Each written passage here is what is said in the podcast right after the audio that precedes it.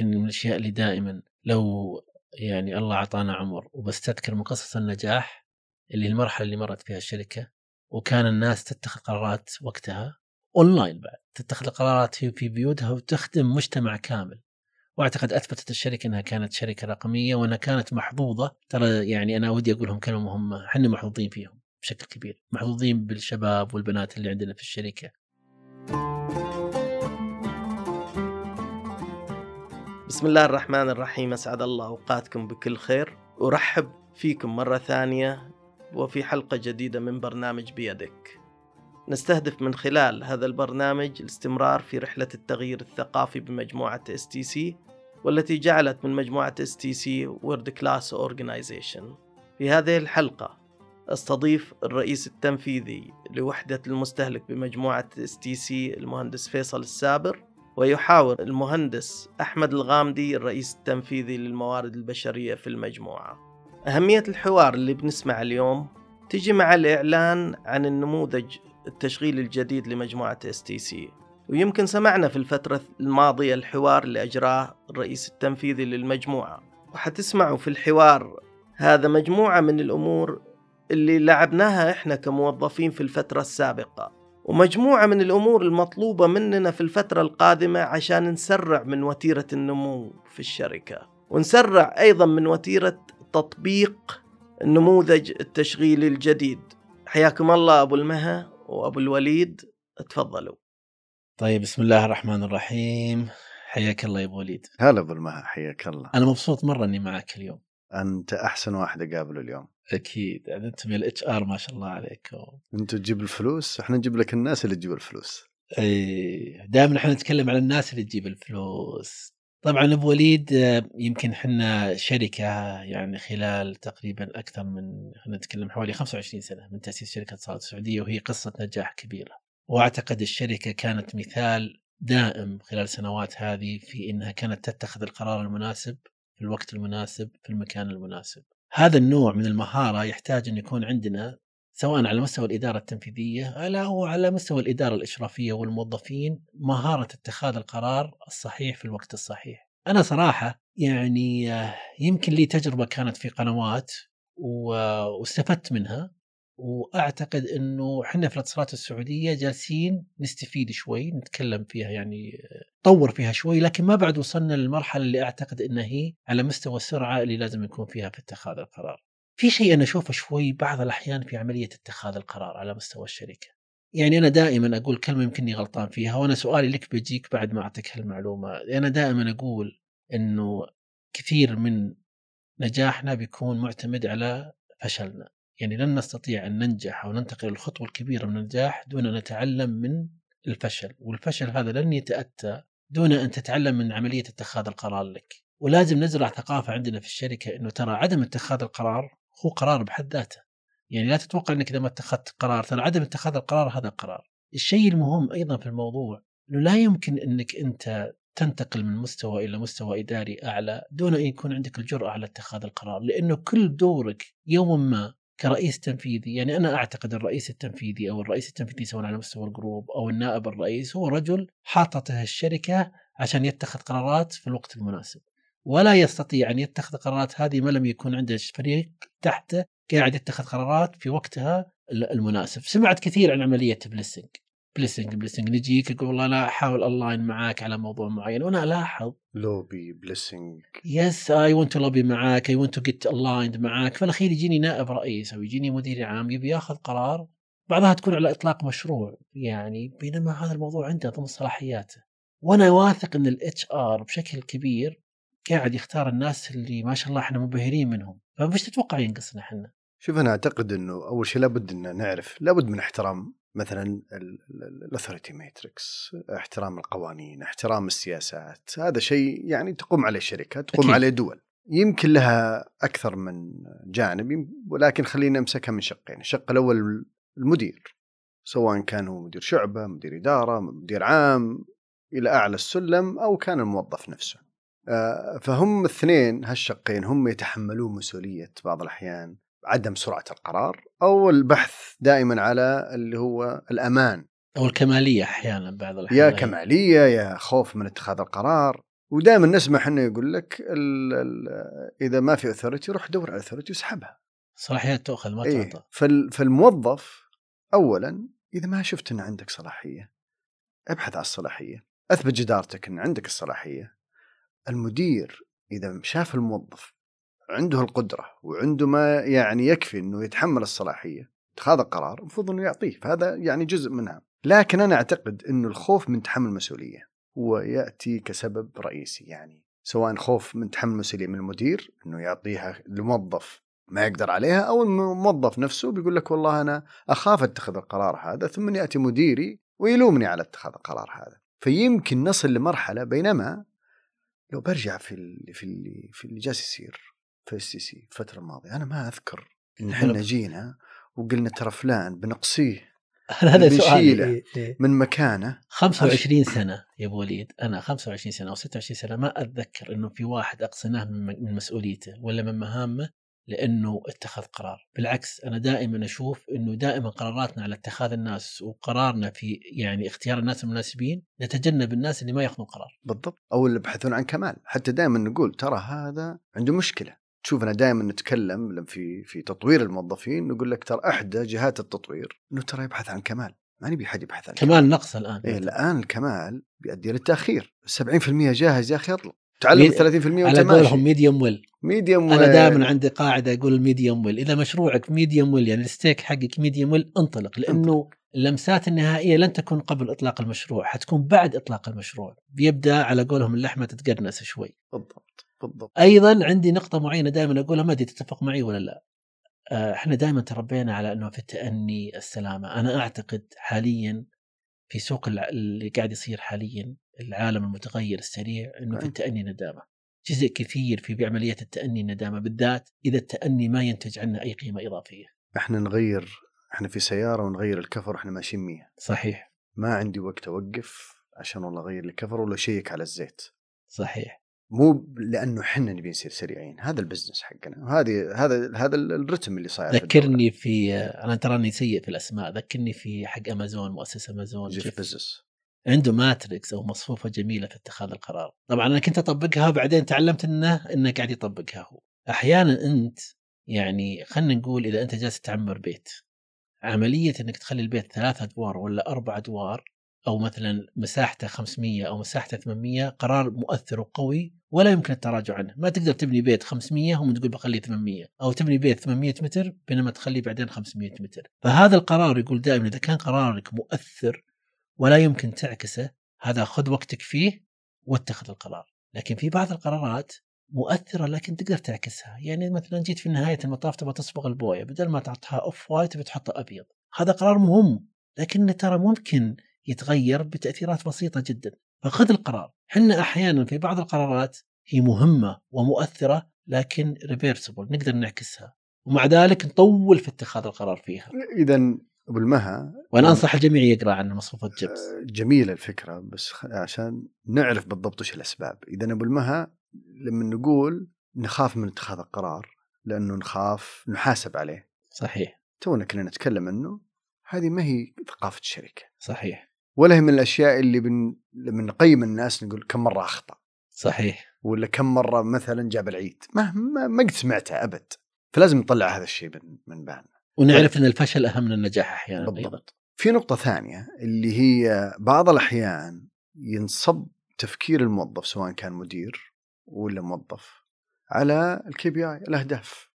وال KPI أو السياسات سياسة المكافآت عندنا كمان في STC مربوطة بال KPIs فبالتالي يصبح إنه تركيزه إنه بسوي ال KPIs هذه وال KPI حقتي ما فيها اتخاذ قرار فبالتالي أنا أدف القرار الغير للشخص اللي فوقي. صحيح. فإذا لم يكن في في في, في الأهداف حقتي اتخاذ قرار خلاص مو لازم أسوي مو لازم أتخذ بس قرار. ما يدري إنه أساسا خطوته القادمة مستقبلا في ترقيته وفي تبوء منصب أكبر إنه مبنيه على جرأته في اتخاذ القرار بالضبط.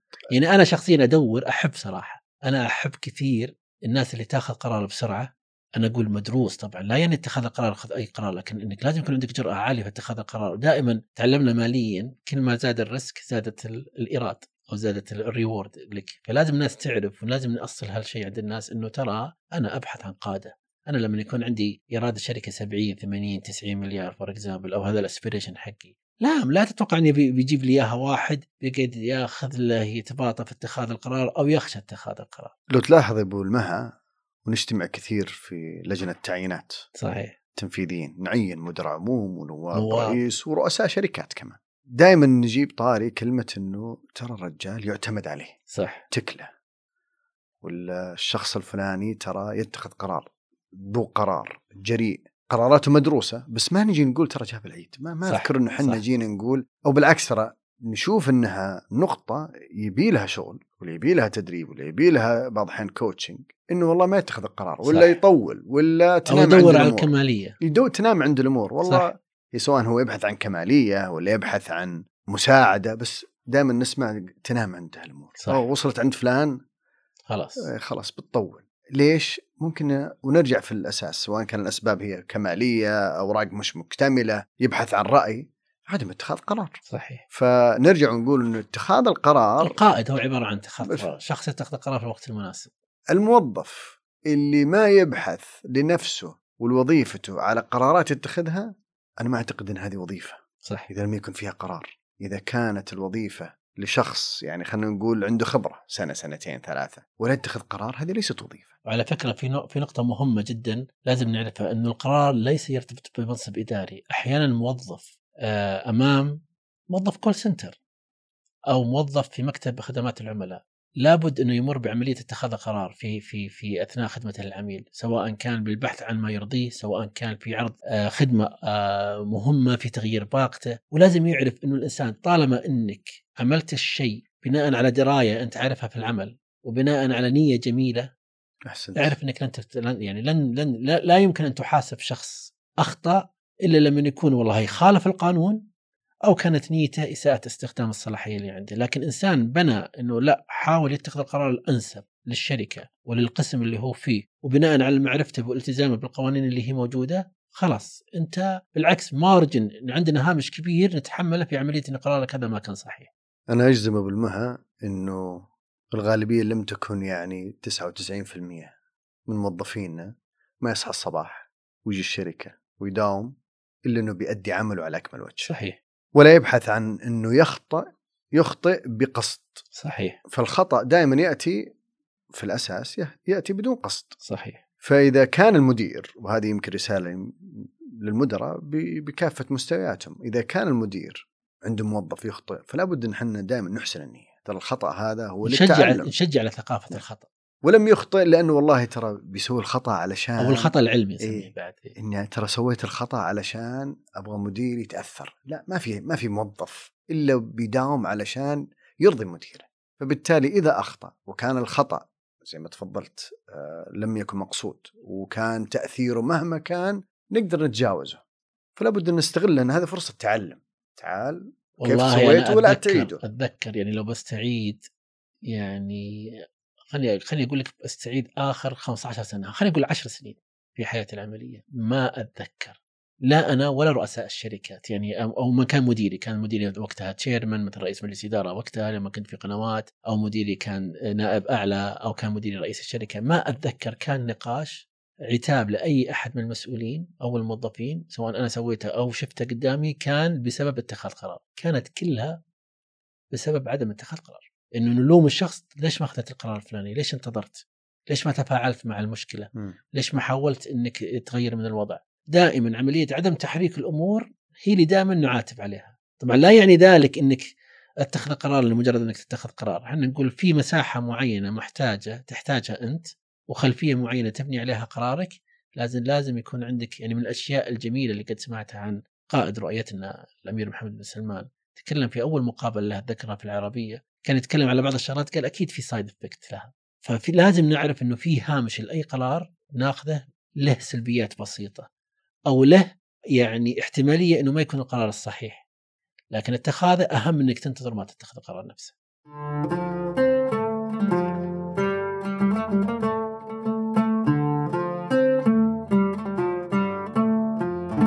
طيب أبو وليد طبعا إحنا نعرف إن الشركة الآن تمر بشيء اسمه الاوبريتنج موديل اللي هو الإطار التشغيلي للشركة واللي هو ناتج عن استراتيجية كبيرة للشركة اسمها تجرأ. السؤال الموارد البشرية هل لهم خطة لنا كقادة إحنا في البداية لتمكين الموظفين وأيضا خطة لتبني قدرات الموظفين اللي عندنا وإمكانياتهم الهائلة كيف نقدر نعكسها بشكل إيجابي بحيث تفيدنا في المرحلة القادمة. ببساطة كيف نقدر نمكنهم أكثر. جميل. آه، خليني أبدأ بإنه لما نشوف الجدارات لكل وظيفة وحتى على مستوى العالمي وليس فقط على مستوى السعودية أو مستوى STC نلقى دائما في الجدارات الأساسية لأي قادة اللي هي تمكين المواهب talent enablement دائما نتكلم فيها حتى على مستوى لجان التعيينات اللي نحضرها أنا وياك. ونشوف واحد ممتاز تقنيا ممتاز يجيب أرقام ممتاز متحدث جميل. عنده مهارات سلوكية رائعة ولكن نلقى دائما في الأسسمنت مثلا إنه عنده مشكلة في تمكين المواهب ولا تجينا دائما مداخلات أيوه إنه والله ترى رجل ممتاز بس ما له بديل ما في قادة تحته. عندنا خطط تطويرية تتعلق مباشرة في الموضوع إنه وضعنا تحمل المسؤولية واتخاذ القرار وتمكين المواهب في برامج التطويرية اللي بدأناها السنة هذه في عن طريق الأكاديمية. ودنا نعزز هذه المهارة بقدر الإمكان لأنه حنا اللي نعرفه كلنا نعرف أنه إس سي ترى تضخ مبالغ ضخمة وجهد عظيم في تضيف المواهب وتدريبهم وتطويرهم. وأسهل ما على الموهبة ترى أنه يمشي صح. ويتركنا ويروح ل أنا بيك تحل لي نقطة إيه؟ مهمة معضلة عندي كبيرة. كيف تقدر يعني عندنا بعض الناس أو بعض الإداريين أو الإشرافيين أو الموظفين ترى يخشى من فقد منصبه أو وظيفته خلينا نقول كموظف. ولها يعني إنه يتوقع إنه إذا مكن شخص أو جهز شخص إنه بيأخذ مكانه. بيأخذ مكانه. طبعا أنا أعطيك في وجهة نظري أنا أشوف أكبر عائق لترقيات الناس عدم وجود بديل وليس وجود البديل. صحيح صحيح. كيف نقدر إحنا في الموارد البشرية نكسر هذا الخوف عند الموظف؟ لازم الموظف أو المدير يعرف إنه إذا لم يكن لك بديل فلن تكون بديل لحد. صح. فلا بد تجهز البديل. جميل جميل هالكلام. ال... وأيضا لابد يعرف المدير إنه ترى سمعتك هي بقيادتك لفريقك. صحيح. وهي السمعة اللي بتسبقك في المكان اللي ب... لو إنك بتكون بديل لحد. وهذا اللي نسال عنه في الموارد البشرية وترى نعطي تقرير دائما لكل قائد جالس يوظف قائد. نقول له ترى فلان ممتاز لأنه ما يعرف عنه إلا نتائجه ولكن إحنا نعطي له تحليل. ترى نقول شوف هذه نتائج مثلا لو تشاي اللي هو الثقافة. نعم. ثقافة المنظمة عنده. شوف هذه هذا عدد الموظفين اللي طلعوا صحيح. عنده. ترى شوف عدد الموظفين ما عنده بديل. تاخذه ترى بتعور المكان اللي طالع منه مثلا ولا ما له بديل معناته ترى ما هو. بكلمة كنت دائما ما أنساها رسمة أشوفها يقول لك create يعني leaders create leaders بالضبط. بالضبط. ف إنك تمكن الموظف وتطوره. بعدين يعني خلينا من الموضوع هذا. إحنا في ضمن رؤية ضخمة. يعني هذا حتى واجب وطني. صحيح. وبالذات حتى لشبابنا وبناتنا. من واجبنا البسيط إن إحنا نطورهم. وامطر حيث ما شئت. بس نعم. على الأقل خيرنا لنا ان إحنا نطورهم ونخليهم عندنا. فبالتالي تمكين المواهب أصبح مطلب أساسي في التطوير عندنا نراقبه بشكل دائم وعندنا تقارير اللي دائما تشوفها أنت على مستوى القادة في الشركة للقطاعات للوحدات حتى ال manager. نقول ترى على مستوى ال section هذا في عندنا مشكلة تسرب وظيفي وعلى مواهب على مواهب معينة جالسة تترك. والمقولة المشهورة تقول إنه الناس تترك المدراء لا تترك الشركات. صحيح. فبالتالي آه، مسؤولية المدير تمكين المواهب. والله يا أخي إني أتذكر حالات مره خليك كثيرة خليك دائما حريص على المواهب اللي أتذكر ناس وقف في طريق ترقيتهم هالنقطة. اولا النقطة اللي هي عدم وجود بديل له وبالعكس ما رأيناها من ناحية إنه عدم وجود بديل لأنه بتصير في مشكلة إذا هو. لا رأينا إنه الشخص هذا لا يمكن أن ينتقل لمكان أعلى دام إنه غير قادر على إنتاج وتوليد آه، قادة عندنا. آه، لكن ما زلت أبي منك إجابة مهمة. كيف أنا أقدر؟ إحنا وعينا بنجي نتكلم للناس وبنوعيهم. هل في شيء ممكن ينعكس على ال KPIs حقت الموظفين؟ إنه زي ما أنتم عنده KPI إيراد وزي ما عنده KPI كذا إنه في KPI يتعلق بتطوير المواهب عنده؟ هذه أحد الحلول اللي ممكن يعني نلتفت له ونقول نحط له هدف. هدفك هو تطوير المواهب. ولكن خلينا نرجع لاتخاذ القرار.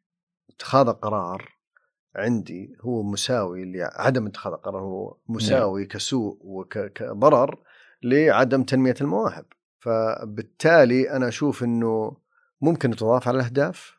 أنا شخصيا أحبذ إنه والله يتم عن طريق التوعية وتكون تيجي من المدير نفسه إنه يبدأ بالفعل يهتم بتطوير موظفينه عشان هو يبي يترقى ولا يعتقد إنه والله بقائه في منصبه بشكل طويل هو معناته إنه أمان. صح. الشخص وإحنا نعرف في علم الموارد البشرية إنه دائما نحط ترى علامة استفهام على الشخص اللي باقي في مكانه لفترة طويلة. فبالتالي المفروض إنك تبني القادة اللي تحتك وتكون مبسوط إنك والله مدير إدارة ولا مدير شعبة كان تحتك صار أصبح صديق أو على المستوى عفوا المستوى على نفس المستوى أصبح مدير إدارة. قد يكون مديرك يوم من الأيام. هذه ما فيها مشاكل. هذه لكن نرجع للنقطة الأساسية اللي أنا وياك جالسين فيها الآن في الاستوديو نناقشها إحنا نتكلم على موضوع اتخاذ القرار كيف نقدر أبو وليد نخلي القادة اللي عندنا يسمحون بشكل كبير للي تحتهم إنهم يتخذون القرار ويتعلمون من عمليات اتخاذ القرار. أعتقد إنه بإعطاء الأمان. أيوه هذا اللي أنا بوصل أيه. ويمكن أكثر أحد بيعطينا ترى أمثلة أعطاء الأمان هو أنت يا أبو المها. يعني أنت يوم رحت قنوات وأنا شاهد على اللي حصل هناك. سويت تغيير رهيب في الثقافة وأذكر الثقافة السابقة أو الثقافة الحالية اللي امتداد للعمل اللي أنت عملته هناك. كنت قريب جدا من الموظفين وأصبح هناك سرعة عمل صراحة رائعة انعكست على أداء الشركة انعكست على ثقافتها انعكست يعني أصبحت من الشركات اللي الموظفين يحبون يشتغلوا فيها. أذكر كنت يعني أتمنى الموظفين اللي عندي يقبلون يروحون هناك فترة وجيزة من الزمن أصبحت طلبات النقل إلى قنوات أكثر من الطلبات اللي إحنا ودنا ننقلهم. قل إيش صار؟ طبعا آه هذا بتوفيق الله سبحانه وتعالى. اولا كان صراحة وراها دعم كبير من مجلس الإدارة وكنت محظوظ بالفريق اللي كان معي. ما راح أحكي لك بشكل كامل إيش اللي كانت وأختصر لك جهود الشباب اللي كانوا موجودين صراحة لكن بربطها بال... بال... بالموضوعنا اليوم. كان عندنا يعني رسالة قوية يعني أنا كنت اوصلها للنواب اللي عندي وقتها وأيضا توصل لمدير العموم إنه ترى إحنا هنا عشان نتخذ قرارات. هذا رقم واحد. ورقم اثنين كنت زي ما ذكرت قبل شوي إنه ما في شيء اسمه شيء كامل في شيء اسمه نص استوى. أحيانا نص استوى جيد مطلوب. لذيذ. لذيذ. النقطة الثالثة إنه يعني في حاجة معينة كنت أسويها إنه تعال لما تجي تعرض علي ما في شيء أكثر من سبع slide. معروف أنا أنا أسويها في ال CBU. سبع slide عرض عندي أكثر من سبع slide هذا مضيعه وقت. الشيء الأهم منه لا تجي تعرض علي presentation حتى تاخذ مني موافق على شيء ضمن صلاحيتك. طبعا في البداية أول ستة شهور سبع شهور في ناس جاوا وكلوها في وقت الاجتماعات الله يعينهم. يوم خلصت عرضه ويوم انتهى جيت بسأله وش هالموضوع؟ قال الموضوع كذا. طيب هذه الصلاحية ضمن صلاحيتك؟ قال نعم قلت أجل الله يهينك أرجع مكتبك. ما راح أتخذ قرار بالنيابه عنك. أو تنازل عن عن عن عن مكانك. لأنه إحنا كنا في مرحلة تحول. المرحلة التحول هذه تحتاج جرأة كبيرة في اتخاذ القرار. فكان ال mindset كلنا على مستوى الشركة إنه نحاسب الناس أكثر على عدم اتخاذ القرار من اتخاذ القرار كله. ما كانوا الناس يخافون منك؟ يعني أنت جاي رئيس شركة وشركة فيها turnaround وتبي تغير. معروف عنك أبو المها سريع. بتغير بتمشي وتدعس ويلا أهداف أهداف أهداف. ما كانوا الناس خايفين إنه نتوقع الخوف كان يكون موجود بس كنت أعالجه بطريقة معينة اني كنت أحاول أكون قريب منهم وأحاول أسمع منهم. شوف في شغلة كانت معينة كانوا يسمونها الجولدن سيركل جميلة. أحيانا أنت مهم إنك لما تيجي الناس تشرح لهم ليش إحنا قاعدين نسوي هذا التغيير. إحنا عندنا مشكلة كثير حتى عندنا في العالم العالم العربي شوي. نجي نعلم الناس وش يسوون. بينما قبلها أنا أجي أقول تعال أنا تعال أنت يا قسم المبيعات سوي واحد اثنين ثلاثة. لكن قبلها لازم أجي أقول تعال أنا شركة Channels وقتها كانت Sale إحنا عندنا رؤية. الرؤية هذه عبارة عن نبغى نروح لهذا الاتجاه. طب ليش نروح لهذا الاتجاه؟ لأنه لو ما رحنا لهذا الاتجاه الشركة بتكون فيها مشكلة كبيرة. جاك ويلش له مقولة معروفة يقول لك أنا أوظف ناس اللي يقولوا لي إيش أسوي. صح. صح. وأنا أتذكر اسمه سيمون ترى ماني كويس في أتذكر اسمه هو اللي كان يتكلم على ال gold يقول دائما ابدأ ب why. سايمون سينك yes دائما يقول ابدأ ب why. راح للناس قال لهم تعالوا أنا جاي برؤيه جديدة شيء اسمه Channels قاعد أروح أنا كانت شركة 95% من إيراداتها من عملية شحن سوا وهذا السوق قاعد يتناقص. لازم أغير في في هيكلتي لازم أغير في أنوع في مصادر دخلي عشان أقدر أعيش وأستمر كشركة. فكنت دائما أحرص إن نشرح why إحنا نسوي هذا الشيء. لماذا؟ هم نجي نتناقش مع الشباب how we can do كيف بنسوي هذه أعطتهم الأمان. أول شيء خلتهم جزء من ال من ال من ال من الخطة. ما- بدل ما يكونون ضد الخطة يكونون جزء من الخطة. هذا رقم واحد. رقم اثنين كنا دائما الق- القرب من الموظفين لما تفهم منهم وش خوفهم وتعطيهم الأمان وتشرح لهم وتحاول إنك تصنع أنت وياهم الطريق يكسر كثير من الحواجز اللي موجودة. أنا أعتقد إنه هذه الطريقة أيضا صنعت قادة. نعم. لأنه يعني من وجهة نظري وهذه تحية لك والابطال في شركة قنوات هي مليانة قاده يمسيهم بالخير. ترى قنوات أنا أعتبرها البنت الخامسة بالنسبة لي. أنا عندي أربع بنات وهي الخامسة. الله يحفظهم ويحفظ والسادس. الولد اللي هو الهلال. لا تدخلنا في الأصفر والأسود اللي الله. الازرق والابيض لكن ال- الواضح انه بالفعل في قادة. في ما شاء الله مصنع قادة. أخذنا منهم حتى لاحظنا في ال- ال- الهيك النظام التشغيل الجديد كانت مصنع قادة. وأنا أعتقد إنه بدايه إذا أنا أفسر الكلام وأفسر اللي حصل إنه صنع القرار أصبح من من الموظفين أعلى إلى المدراء وأقل على الرئيس التنفيذي. أصبح هناك مسؤولية واضحة لدى الجميع وبالتالي صنعت قاده لأنه القائد أنا أعتقد زي ما تقول آه شفت لما تقول خلنا على الكورة اللاعب الخبرة بعدد المباريات اللي يلعبها. الله الله. القائد الإصابات. ممكن عدد الإصابات. لكن القائد أعتقد إنه بعدد القرارات اللي سواها صحيح. بيتعلم. واتخذ قرار صح. لأنه مستحيل إنه يتخذ قرارات في نقطة صح. مهمة أنت سألتني قد كيف أعطيتهم الأمان، أعتقد تتذكر دائما يقول لك ووك ذا توك، لما تجلس خلال سنتين ثلاث سنوات تحاسب الناس على عدم اتخاذ القرار، أو تحاسب الناس على أو تشجع الناس على اتخاذ القرار، أو تشكره أنه اتخذ قرار حتى لو أخطأ فيه. أعتقد هل هذا هذا الشيء مهم بالنسبة لهم، لازم يشوفون أنك أنت مو جالس تنظر وتتكلم بقدر ما أنك تعكس ما يعني تعنيه قنوات تراها يعني الشباب اللي سووه قنوات شباب قنوات وبنات قنوات الله يعطيهم العافية في وقت قصير صراحة شيء أنا أفتخر فيه. طب هذا السؤال اللي دائما أسمعه يقول لك ترى هذه سهلة في شركات تابعة بس صعبة علينا في الشركة الأم. زين؟ ما أدري أنا أشوف قنوات أصلا شركة كبيرة. يعني كان قنوات كانت طال عمرك حوالي 80% من إيرادات ال CBU أو أكثر من 80% عفوا 80% من إيرادات الشركة يوما ما. قنوات مجموعة وكان فيها حوالي 7000 موظف نعم. يعني حوالي 50% يمكن من القوة العاملة بالعكس فأنت ما تربطها بأنه سرعة القرار دائما هي في الشركات الصغار فقط لا لا لا لا لا, لا. أو اتخاذ القرار سريع ولا الوصول ولا الأمان ولا هذه ممكن تصير في شركات شوف. كبيرة آه أنا رأست إدارات أو أقسام فيها أربع موظفين ووصلت ومسؤولة مثلا عن عن يمكن مئة ألف ريال ورأست قطاعات فيها يمكن 6000 وشركة يمكن فيها 10000 مهارة اتخاذ القرار في كلها واحدة. ما لها دخل. حجم الشركة حجم التأثير هي شيء لازم تحطه في الدي إن اي حقك شيء ثقافة تتعلم عليها تتربى عليها. ما لها دخل ابدا في ان تقول هذه شركه صغيرة شركة كبيرة. بالعكس أنا أشوف إن الشركة الكبيرة الحاجة لاتخاذ القرار بسرعة فيها أكثر, أكثر من الشركة. أتفق. أكثر من الشركة الصغيرة.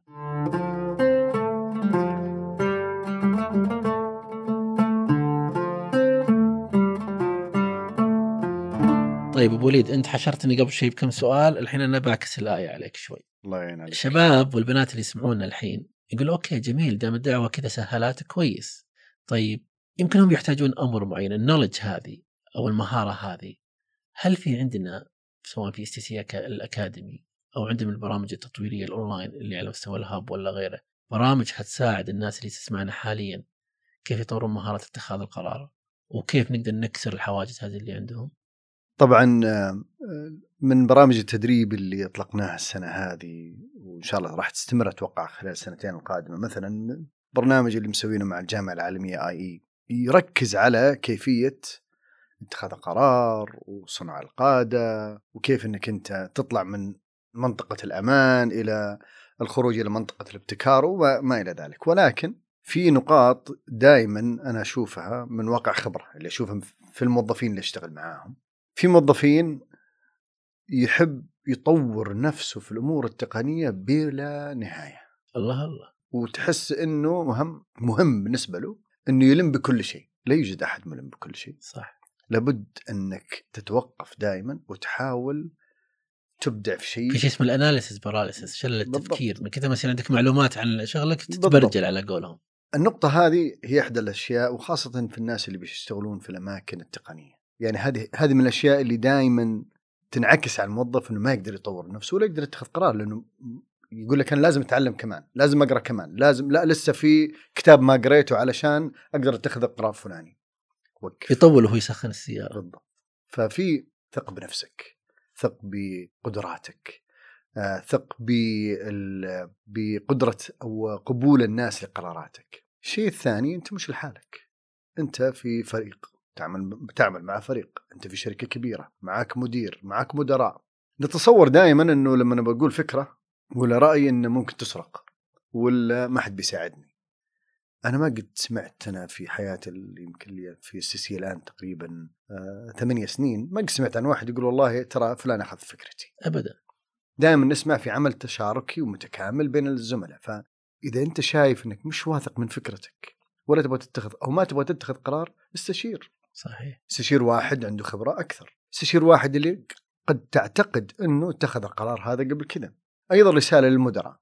يعني زي ما تفضلت أنت قلت نقطة مرة مهمة. في قرارات إحنا عارفين إنها صعبة وما تقدر ترجعها. وأغلب القرارات هذه في STC تلقاها مؤتمتة ممنهجة في سياسة واضحة وفي لها إجراء واضح وفي لها صلاحية واضحة. يمكن ال- ال- ال- التدريب والتعلم فيها صعب لكن في أشياء في قرارات. ترى سهل إنك أنت تشتغل عليها. في أشياء اطلع من إطار العمل وحاول إنك أنت تتخذ قرار ينمي العمل بس ما يكون في صلب العمل. تت- تتعلم تدرب فيها. تحس نفسك إنك طريقة اتخاذ قرارك سليمة. البيئة المنا حواليك يعني متقبلة اتخاذ القرار بعدين تدعس. صح. آه، ياما جبنا العيد. كلنا جبنا العيد ولا ما تعلمنا. و- وياما في قرارات. يعني أنا كموارد بشري ياما في طبعا أنا أكثر واحد جبت العيد يمكن تعرف يعني هذا الشيء. آه، أكيد. صدقني ما أنت بناجح إلا إنك جبت أكيد. العيد. لازم تعرف الناس هذا الشيء. يا ما وظفت غلط يا ما اتخذت قرارات غلط يا ما آه، أطلقنا عروض غلط. يا ما سوينا أشياء غلط. طيب خلينا ناخذ سيناريو. سم. أنت مديري وأنا يعني اجتهدت وحاولت إني أنا مثلا أرضي عميل بطريقة ما ولكن أخطأت. بطريقة يعني ما كلفت الشركة يعني ما ما كسرت سياسة ولا كسرت صلاحية ولكن اجتهدت كلمت العميل سويت شيء ما جابت نتائج في هذا السيناريو وش المفروض الموظف يسوي؟ وش المفروض المدير يسوي؟ وخليني أنا بتكلم عن الموظف وأنت تتكلم عن المدير. أنا كموظف المفروض إن أنا ما أجلد الذات. خلاص أخطأت. أتعلم من أخطائي، وش اللي حصل؟ أبدأ أحلل. ليش ما ما انحلت المشكلة؟ ليش ما تمت مثلا آه، استجابة لمطالب ال- العميل؟ طب لو قلت له كذا وش كان بيصير؟ أبدأ أحلل السيناريوهات اللي أنا ممكن أتفاداها بالم- بالمرة المقبلة، ما أجلد الذات، طيب هل هذا بيأثر على ال KPI؟ هل صح. هذا بياثر على البونص؟ لا تحط نفسك محور الكون بعد. ترى الأمور بتمشي. صحيح. إحنا نغلط أغلاط أكبر من كذا بس المدير المفروض إيش يسوي كمان؟ أنا أعتقد شوف أنا دائما أقول حركة بركة. زين أنا أعتقد أول حاجة مهمة لما تجلس مع الشخص تفهم منه ليش سوى هذا الشيء. خلينا نقول إنك أنت كمدير لاحظت الخطأ. زين اللي وصل نما إلى علمك الخطأ. أنا بجيب الموظف بقول إيش صار معك؟ بيقول والله أنا كان عندي هالمشكلة الفلانية حاولت أجتهد بسأل سؤال هل تجاوزت صلاحيتك؟ لا والله ما تجاوزت صلاحيتي لكن أخطأت في التقدير. وتوقعت إن هذا هو الحل المناسب بينما لم يكن الحل المناسب شكرا. هل استفدت منها؟ نعم. طيب okay. هل نقدر إن إحنا المشكلة اللي سويتها نحتويها؟ كم لها تأثير مالي؟ ما في شيء ما له تأثير مالي، أنت زي ما إنك أنت مثلا خلينا نقول مثال زي ما إنك أنت بالقرار هذا خلينا نقول أثرت سلبيا بمبلغ 10000 ريال على ميزانية الشركة، تراك في قرارات أخرى قاعدة تجيب لي حوالي 100000 لازم نعرف إنه أرباح الشركة اللي إحنا نشوفها حاليا أو إيرادات الشركة كانت عبارة عن ناتج عن فرص فقدناها اجتهدنا فيها وفرص نجحنا فيها، نفس الشيء ال net income حق الشركة عبارة عن أشياء أثرت ايجابا وأشياء أثرت سلبا. يعني نرجع نقول الخطأ اللي أنا. اللي رجعني خطوة وراء إذا هو بستفيد منه بإني بيقدمني ثلاث خطوات قدام اللي بتعلم منه بالعكس مرحبا بهذا الخطأ اجتهدت. والاجتهاد هذا نتج عنه إني استفدت بالعكس أنا أقول لازم الناس تعرف يا أبو وليد إنه إنه وإحنا لازم نشجعها بهذه الطريقة أعتقد في شيء لازم إحنا نسويه داخليا في إنه نوصل رسالة للناس بشكل منطقي إنه ترى الخطأ جزء من الحياة وجزء من نجاحنا المستقبلي أو جزء من السيرة الذاتية للنجاح المستقبلي هو الخطأ. لازم يعرفون هذا الشيء بشكل كبير. أنا دائما أسأل أسئلة كثير في المقابلات الشخصية من الأسئلة المحببة لي اللي هو دائما أو السؤال التقليدي هو أعطيني مثلا مصادر قوتك ومصادر ضعفك أنا دائما أسأل سؤال وأحب أستمتع بالإجابة اللي هي أعطيني أخطائك اللي في بداية مراحلك الوظيفية اللي اليوم تقول الحمد لله إني سويتها لأنه بالفعل نبدأ في لما وكثير من القادة اللي أشتغل معاهم وأسألهم الأسئلة هذه ألقى عندهم في مرحلة مفصلية في حياته وبالذات البداية أخطأ فيها وغيرته صحيح. لأنه الصح الصح الصح الصح. ما في شيء اسمه صح. ما, ما فيها ما إحنا ملاك. أنا أعتقد الناس تشوف مثلا لما تشوف رئيس تنفيذي للمجموعة ولا تشوف رئيس تنفيذي لأي حل الوحدات ولا نائب رئيس أتوقع هذا الشخص من يوم ما بدأ إلى الآن ماشي صح. ما جاب العيد. ما لا الأخطاء أنا أعتقد إنها تعلم الشخص. برجع للنقطه إنه بعض الأحيان الجرأة تلفتنا إحنا. يعني أنا لما أشوف واحد جريء في طرح جريء في إعطاء رأيه جريء في قراراته ترى بعض ال... الانطباعات اللي توصلني من الموظفين المدراء إنه هذا الشيء غير محبب. بالعكس وأنت تشوفه دائما يا أبو المها صحيح. لما نكون في اجتماع ويجينا موظف ولا مدير شعب ولا مدير إدارة في اجتماع ونلاحظ وبعض الأحيان نشوفه في العين جرأته وانطلاقه وعدم تردده إنه ما يتكلم ولا يقول أنا رأيي كذا إحنا نحس بسعادة وفخر. أنا أقول لك 50% من أهم القرارات اللي أنا اتخذتها أيام المبيعات وال customer experience وال customer care ذيك الأيام كانت من الموظفين في من في مقابلة مع 500 600 موظف واحد أعطانا فكرة كان يتوقع إنها هي شاطحة بينما هي اللي غيرت مسارنا بالكامل. مسارنا بالكامل. أنت اطرح الفكرة وشيل القيود من الفكرة. وهيئ المنا... وأنت كقائد عليك إنك تهيئ المناخ المناسب لهذه الفكرة وتعطي الهامش المناسب للخطأ في الفكرة نفسها والأمور بتصير بالعكس ممتازة في نهاية المطاف. والمها